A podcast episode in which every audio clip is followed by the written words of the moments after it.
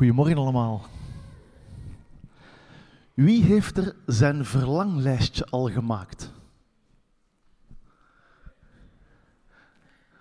Even heel eerlijk, wie heeft er zijn verlanglijstje al gemaakt?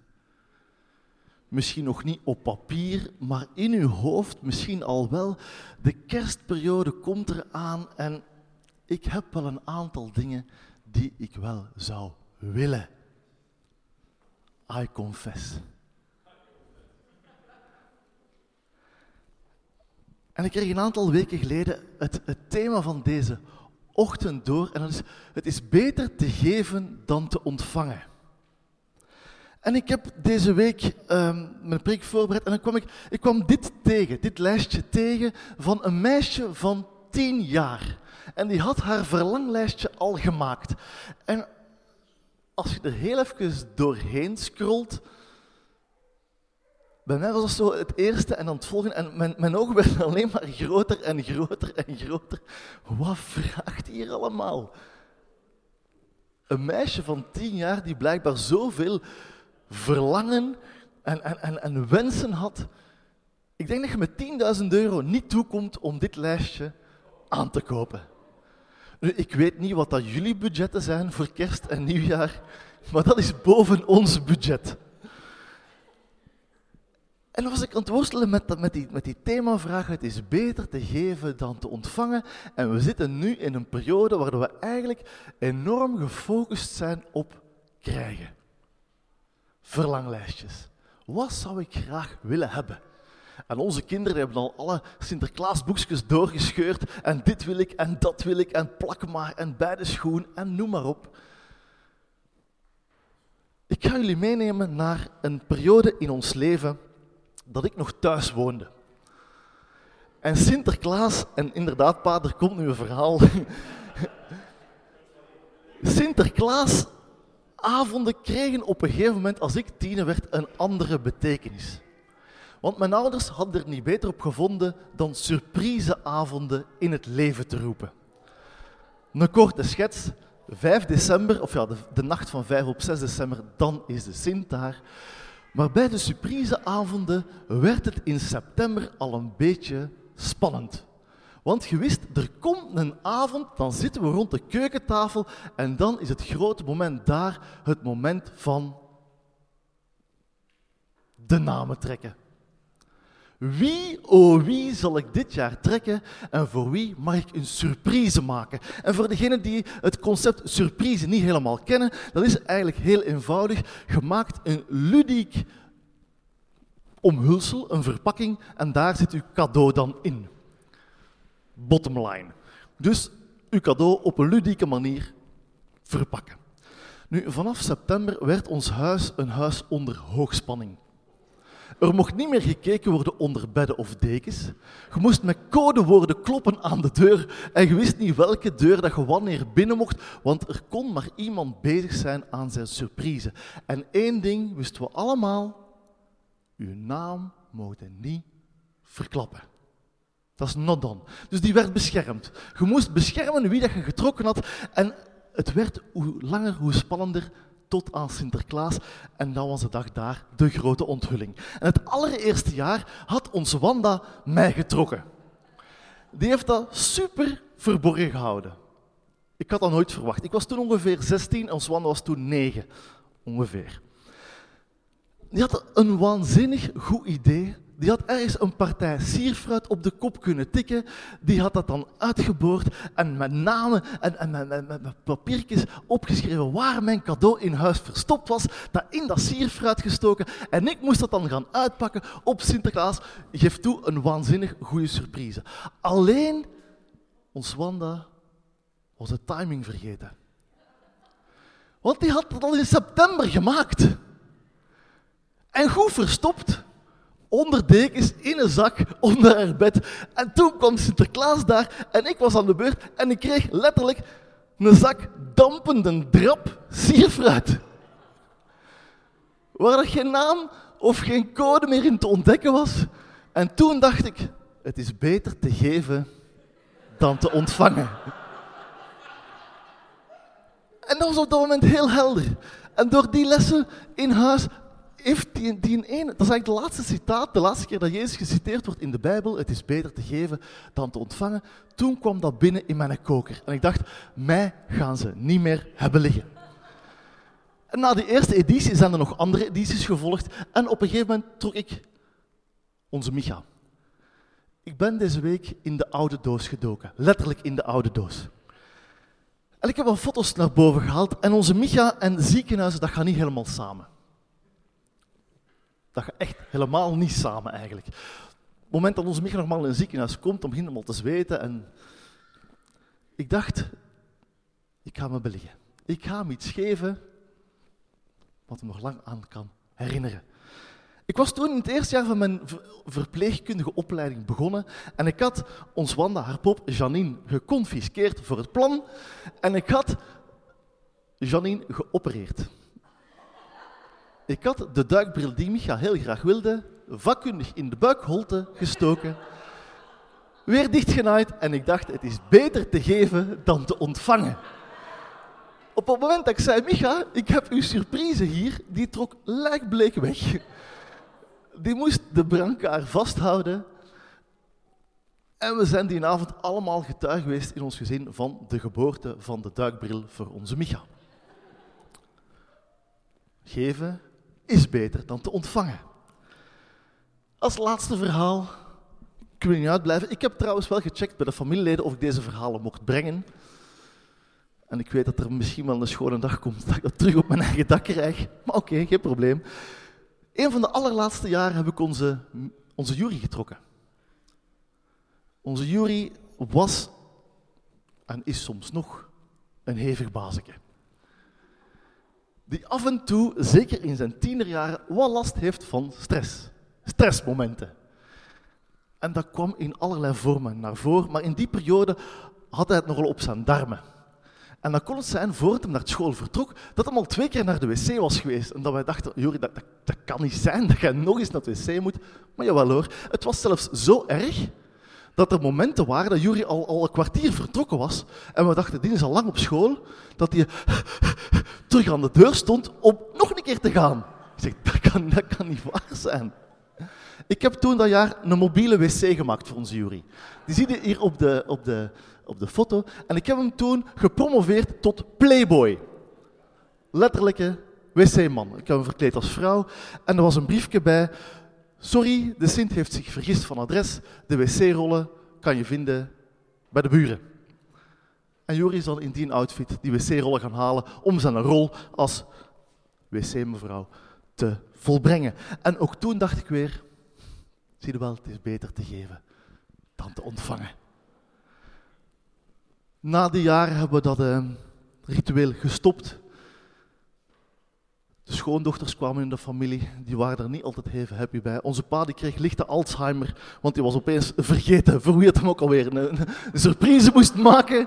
Dan hebben we gezegd van kom, we schaffen de zooi af. Het is klaar geweest met de surprises. Maar op die manier hebben we in ons gezin geleerd van het is beter te geven dan te ontvangen. Ik wil met jullie naar Handelingen 3 gaan.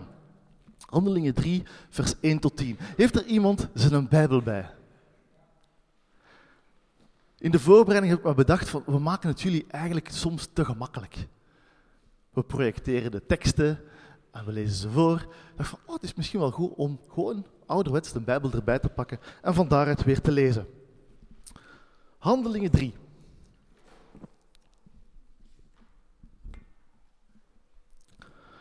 En daar staat, ik lees vanaf vers 1 tot en met vers 10. Op een dag gingen Petrus en Johannes, zoals gewoonlijk omstreeks het negende uur, naar de tempel voor het middaggebed. Men had ook een man die al sinds zijn geboorte verlamd was, naar de tempel gebracht. Hij werd er elke dag neergelegd bij de poort, die de Schone heet, om te bedelen bij de bezoekers van de tempel. Toen hij zag dat Petrus en Johannes de tempel wilden binnengaan, vroeg hij om een aalmoes. Petrus richtte zijn blik op hem, evenals Johannes, en zei: Kijk ons aan. De bedelaar keek naar hen op in de verwachting iets van hen te krijgen. Maar Petrus zei: Geld heb ik niet, maar wat ik wel heb, geef ik u. In de naam van Jezus Christus van Nazareth, sta op en loop. Hij pakte hem bij zijn rechterhand om hem overeind te helpen. Onmiddellijk kwam er kracht in zijn voeten en enkels. Hij sprong op, ging staan en begon te lopen. Daarna ging hij samen met hen de tempel binnen, lopend en springend en God lovend. Alle tempelsbezoekers zagen hem lopen en hoorden hem God loven. Ze herkenden hem als de bedelaar die altijd bij de tempelpoort had gezeten en waren buiten zichzelf van verbazing over wat er met hem gebeurd was. Eigenlijk een fenomenaal verhaal. Een, bedelaar die daar al, al zo vaak lag en waar al zo vaak voorbij gelopen is. En hij stelt voor de zoveelste keer dezelfde hulpvraag. Mag ik alsjeblieft een aalmoes? En ik weet niet hoe vaak dat Petrus en Johannes daar voorbij zijn gelopen. Ik weet ook niet hoe vaak dat ze die hulpvraag gehoord hebben, maar hoe vaak hebben ze hem genegeerd en zijn ze voorbij gelopen. Maar op dat moment stoppen ze, stopt Petrus en luistert misschien wel voor de allereerste keer naar de hulpvraag van die bedelaar. En daar begint het. Als we heel eerlijk zijn en naar onze eigen context kijken, leven we in een maatschappij waar er zoveel hulpvragen klinken. We kennen ze misschien allemaal. De bedelaars in de straat, aan de poort van de supermarkt. Mensen in de omgeving die eigenlijk hulp nodig hebben en waar dat wij voorbij lopen. Ik ook in kluis. Het is niet altijd even gemakkelijk om daarmee om te gaan. Om die hulpvraag te beantwoorden. En ik vind het zo knap hoe Petrus dat wel doet. Want hij antwoordt eigenlijk met een hele eenvoudige zin. Zilver of goud heb ik niet, maar wat ik heb, geef ik u. Of in deze vertaling, geld heb ik niet, maar wat ik heb, geef ik u. Ik heb die zin de Petrushouding gedoopt. En je kunt die zin eigenlijk in drie stukken verdelen. We zien dat Petrus stopt bij die bedelaar en luistert bij de hulpvraag. Dat dat is de allereerste stap. Maar het eerste antwoord dat Petrus geeft, helpt die een bedelaar eigenlijk niet, want hij zegt, ja, geld heb ik niet. Met andere woorden, wat dat jij van mij vraagt, dat heb ik niet. Ik kan het u niet geven, want ik heb het u niet.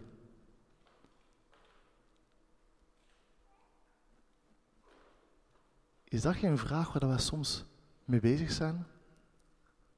Dat we een vraag bij ons krijgen en wat moet ik met die vraag? Want ik heb dat niet. Ik ga er voorbij. Of, of zelfs meer, zeker in deze periode, dat wij gaan nadenken van wat hebben we allemaal niet? Dan gaan we verlanglijstjes maken. Wat zou ik graag willen? Wat heb ik nu nog niet, maar wat zou ik heel graag willen hebben? Ik heb dat eerste stukje van de zin de focus van nooit genoeg genoemd. En ik betrap mezelf soms dat ik in die focus zit. De focus van nooit genoeg. En ik zo gefocust ben op wat ik allemaal nog graag zou willen hebben, dat ik bijna vergeet wat ik al heb. Maar gelukkig stopt Petrus daar niet. Geld, dat heb ik niet, zegt hem. Maar wat ik heb, en daar zet ik weer een komma. Petrus gaat kijken, oké, ik, ik weet wat ik niet heb, maar ik weet ook wat ik wel heb. Hoe bewust zijn we van de dingen die we hebben? En hoe gaan we daarmee om? Zijn we dankbaar voor wat we gekregen hebben? Of zeggen we, ja, dat hebben we wel verdiend wat we hebben gekregen? Het is door mijn eigen verdiensten dat ik dit allemaal bereikt heb?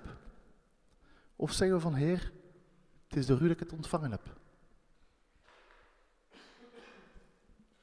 Geld heb ik niet, maar wat ik heb, daar wil ik dankbaar voor zijn. En Petrus had eigenlijk kunnen zeggen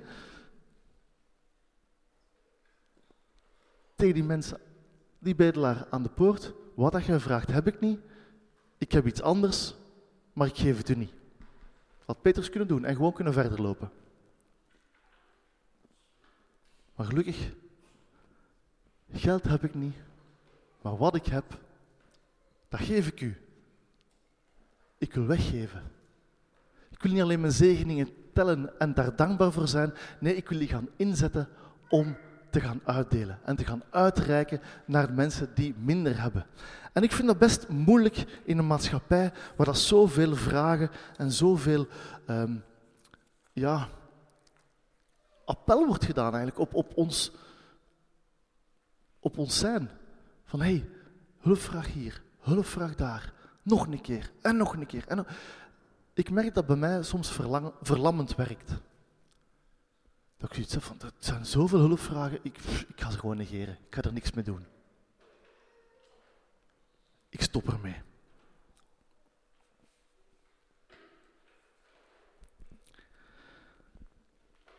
Maar we gaan kijken naar, naar, naar Petrus, die heel duidelijk proeft wat die hulpvraag is van die bedelaar aan de tempelpoort bij zichzelf te raden gaat, God, wat dat jij vraagt, ik, ik heb het niet, sorry, al zou ik het willen geven, ik heb het niet eens. Maar wat ik wel heb, dat wil ik u wel geven. En wat een prachtig wonder gebeurt daar. Die bedelaar, die lammen, die staat op en die gaat springend en lovend de tempel in. Dat moet wel iets geweest zijn, hè? Voor al die mensen dat daar gepasseerd zijn. En die hulpvraag genegeerd hebben. Of misschien een aalmoes gegeven hebben.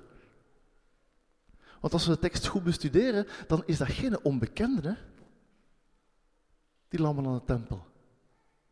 De mensen kenden die, hè? Dat was een publiek figuur, zullen we maar kunnen zeggen, die de mensen al vaker gezien hebben. En wat een prachtig wonder gebeurt daar, dat zij zien, hey, die mens is jaar en dag verlamd geweest, heeft hier zo lang aan die tempelpoort gezeten, en nu is hij door de kracht van Jezus Christus opgestaan en heeft zijn leven terug. Hoe mooi is dat?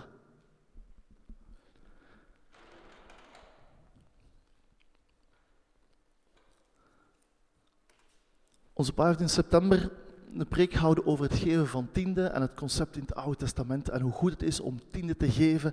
En, en het was een hele goede preek en ik heb daar nog, nog lang over zitten, over zitten nadenken. Want het, de instelling in het Oude Testament van het geven van tiende is, is een wetmatigheid die, die, die klopt als een bus. En dan zien we er in het hele Oude Testament hoe dat volk daarmee omging en geeft. En, en, en toch worstel ik daarmee. Persoonlijk, van, van hoe zit dat? En ik was aan het voorbereiden. Ik, ik, kwam op twee teksten. En eentje staat in Matthäus 5, vers 17. En de andere staat in Matthäus 22, 38 tot 40. En we kennen hem eigenlijk allemaal. Ik lees eerst Matthäus 5, vers 17. En daar staat: Denk niet dat ik gekomen ben om de wet en de profeten af te schaffen. Ik ben, gekomen, ik ben niet gekomen om ze af te schaffen, maar ze juist te vervullen. En in Matthäus 22, vers 38 vers tot 40 staat, en die kennen we eigenlijk allemaal van buiten. Heb de Heer uw God lief met heel uw hart en met heel uw ziel en met heel uw verstand. Dat is het grootste gebod. En het tweede gebod daaraan gelijk, heb uw naaste lief als uzelf. En de tekst die erna komt, die had ik eigenlijk nog nooit zo gelezen. Daar staat, deze twee geboden zijn de grondslag van alles wat er in de wet en de profeten staat. Jezus is gekomen om de wet en de profeten te vervullen. Waar in het Oude Testament het geven naar, naar het, het, volk van, van, van God um, neergezet was als een wetmatigheid, verandert het geven in het Nieuwe Testament naar een liefdesdaad. Een vorm van aanbidding. En dan gaat het niet meer om de worsteling, geef ik wel mijn tiende, geef ik niet mijn tiende, hoe zit het deze maand? En tellen. En ik, ik weet niet of jullie de worsteling soms herkennen van, oh, ja, wat moet ik wel, wat moet ik niet? Het gaat eigenlijk een hele stap verder. Het gaat niet meer om de rekensom te maken. Het gaat om wat wil ik vanuit mijn hart geven aan God? En als dan de themazin klinkt, het is beter te geven dan te ontvangen, dan wil ik daar heel goed over nadenken. De Bijbel zegt ook, geef me een blijmoedig hart. Dan wil ik daarover waken, dat dat echt met een blijmoedig hart is. Dat dat niet zomaar iets is wat dat van mij verwacht wordt, wat dat je moet doen. Ik denk als geven een verplichting wordt, dat dat geen vorm van aanbidding is. Geven doen vanuit ons hart. Het is beter te geven dan te ontvangen. En ik, ik heb daar lang mee geworsteld. Van Heer, hoe moet dat dan? En hoe geef je dat dan vorm? En we hebben een paar keer in ons leven, sinds we getrouwd zijn, hebben we op het punt gestaan dat we de ervaring hadden dat we heel veel geld moesten weggeven. Het is niet dat we ooit heel veel geld hebben gehad, maar wat dat we hadden moesten we weggeven. En een van die momenten was op DTS, was in 2005, 2006. En we stonden op het punt om op outreach te vertrekken. Om hetgeen wat we in de, in de theorie geleerd hadden, in de praktijk om te zetten. Maar de schoolleiders op dat moment zeiden van jongens, we kunnen eigenlijk niet op outreach. We komen 15.000 dollar tekort. Wij keken elkaar aan en we zeiden, dat, dat hebben we niet. En daar hadden we kunnen stoppen. Maar we zijn gaan kijken, wat hebben we wel? En eigenlijk hadden we onze DTS helemaal mooi uitgerekend. Financieel klopte dat plan van A tot Z. We hadden genoeg geld, alles was rond. Maar wat ik heb, geef ik u. En de schoolleiders hadden ons de opdracht gegeven, ga nu eens een uur bidden, erover nadenken, wat spreekt God in het thema van geven? En probeer daar eens een antwoord op te geven. En met die opdracht zijn we individueel aan de slag gegaan. En op een gegeven moment, ik denk dat we drie kwartier ver waren, kwamen Ellen en ik weer samen. En we zeiden, ja, heb jij iets ontvangen? Heb ik iets ontvangen? En we gingen delen met elkaar. En we hadden eigenlijk allebei hetzelfde verlangen op ons hart, dat we echt een heel groot offer moesten brengen. Menselijk geredeneerd was dat gekkigheid. En toch wisten we in ons hart, dit moeten wij gaan doen. We hebben dat gedaan. En als je me dan nu opnieuw zou vragen, zou ik dat een heel moeilijke vraag vinden. En ik heb me de vraag wel gesteld van stel dat God me nu zou vragen om wat ik heb te geven. Soms zingen we erover, hè? Jezus, alles geef ik u, wat ik ben en heb en wat ik ooit zal zijn. Prachtig lied, maar een zeer radicale tekst. Alles wat ik ben en heb, geef ik aan u. Dan komen we terug bij dat kantelpunt in die Petrushouding. Geld heb ik niet, maar wat ik heb, geef ik u. De focus ligt, Heer, ik heb het van u gekregen. Als u het van me vraagt om het weg te geven, doe ik het opnieuw. En ik geef toe dat dat elke keer in mijn denken een worsteling is. En elke keer weer van, Heer, is dat wel wat dat je van mij vraagt?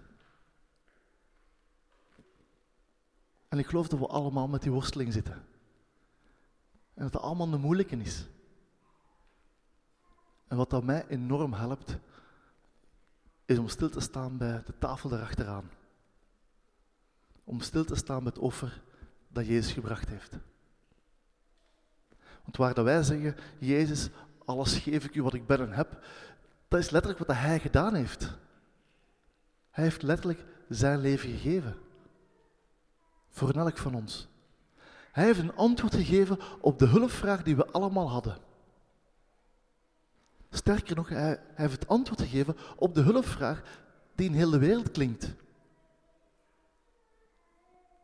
En het is aan ons te zeggen, kijk, ik hoor de hulpvragen en misschien heb ik geen geld, maar wat ik heb wil ik wel gaan geven. En het is onze opdracht om te gaan uitreiken. Om te gaan uitdelen. Van die allergrootste schat die we allemaal hebben. En toch is dat soms zo moeilijk om Jezus dicht bij de mensen te brengen. Soms is het zo moeilijk om die vertaling te maken. Hoe kan ik Jezus de dag van vandaag bij die hulpbehoevende mensen brengen? Die zo'n hulpvraag hebben. Maar het begint bij het accepteren van dat offer van Jezus voor onszelf. Kunnen wij ten volle dank u wel zeggen tegen Jezus voor de offer dat hem gebracht heeft aan het kruis? Kunnen we zo meteen aanschuiven bij brood en wijn en zeggen, Heer, ik wil herdenken wat u gedaan hebt. Ik wil daarbij stilstaan. Uit dankbaarheid. Ik wil het ontvangen met open armen. En niet om het voor mezelf te houden, maar juist om te gaan uitdelen. En dat vind ik zo krachtig aan die ene zin van Petrus. Wat dat je vraagt, dat heb ik eigenlijk niet. Maar wat ik heb, dat wil ik wel gaan geven. We weten dat dat zoveel kostbaarder is dan hetgeen wat jij me vraagt. We weten dat dat zoveel beter is. En we hebben elkaar, we hebben Jezus leren kennen. We hebben het offer met beide handen aangenomen. En we zeggen dank u wel. het is aan ons om te gaan uitdelen. Want wat dat wij hebben, willen we gaan geven. Net zoals Jezus gedaan heeft, die heel zijn leven gegeven heeft. Ik wil zo meteen heel graag bidden en het stuk uit Matthäus 26 voorlezen. Wat er een inleiding is, de woorden van Jezus op het avondmaal. En ik wil jullie uitdagen om bij dat gebed eens stil te staan bij die zin. Geld heb ik niet, maar wat ik heb, geef ik u. En, en vertaalt dan naar hun eigen context. Hoe zit dat bij mij? Hoe ga ik om met de hulpvragen die op mijn pad komen? Loop ik er met een boog omheen? Sta ik stil en luister ik naar wat er effectief gevraagd wordt? Of geef ik ook wat er gevraagd wordt, of zelfs meer dan gevraagd wordt? Jezus sprak de woorden in Matthäus 26. Toen ze verder aten, nam Jezus een brood, sprak het zegengebed uit en brak het brood en gaf de leerlingen ervan met de woorden: Neem en eet, dit is mijn lichaam. En hij nam een beker, sprak het dankgebed uit en gaf hun de beker met de woorden: Drink allen hieruit, dit is mijn bloed, het bloed van het verbond dat voor velen wordt vergoten tot vergeving van zonde. Dat is de kern. Dat is wat Jezus is komen doen. Door zijn sterven en opstanding hebben wij leven. En het is dat leven dat we zo meteen bij het avondmaal willen gaan delen met elkaar. Ik wil het zo meteen even rustig maken, om die woorden te laten inzinken. En dan wil ik jullie uitnodigen om, om iemand op te zoeken. En dan samen naar de avondmaaltafel te gaan. En effectief te gaan uitdelen aan elkaar. En we hebben daar bekers met wijn, dat zijn de blauwe bekers. En de bekers met de groene kleur zijn druivensapbekers. Dus voor de tieners die daar graag willen deelnemen, die kunnen daar druivensap drinken. Of ook volwassenen. Maar pak het moment om echt te gaan delen met elkaar. Heer, ik wil u danken dat we deze ochtend samen mogen zijn, dat we mogen stilstaan bij die zin, het is beter te geven dan te ontvangen. Wanneer help mij en help ons om daar gestalte aan te geven. Als we dat verhaal lezen van Petrus en Johannes die voorbij die, die bedelaar lopen, halt houden en, en hem van antwoord dienen. Heer, en eigenlijk doorheen heel dat verhaal u alle eer en alle glorie geven. Heer, dan wil ik daar lessen uit trekken. Dan wil ik gaan kijken hoe kan ik dat eigen maken. Hoe kan ik dat ook gaan doen in mijn leven? En Heer, het begint bij u. Heer, en dat willen we zo meteen ook vormgeven door samen avondmaal te vieren. Heer, het bij u te gaan halen en het van daaruit uit te delen. Heer, en ik bid dat u ons helpt. Heer, om onze focus op het juiste te leggen. Heer, om misschien niet met verlanglijstjes bezig te zijn, maar met weggeeflijstjes. Heer, omdat we mogen beseffen dat we alles van U gekregen hebben. Heer, en dat we ook alles als U het ons vraagt weer mogen weggeven. In Uw naam. Amen.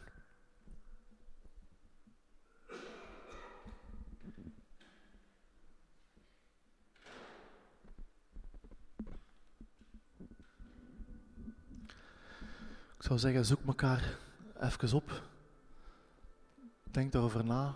Maar wie wil ik avondmaal vieren deze ochtend? En sta even stil bij, Heer, u hebt echt alles gegeven.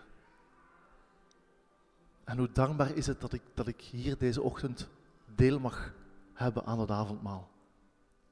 Deel mag zijn van uw familie. Maar ook door het deelnemen niet alleen zeg van kijk, goh, dankbaar dat ik het mag ontvangen, maar ook mag gaan nadenken aan wie mag ik gaan uitdelen.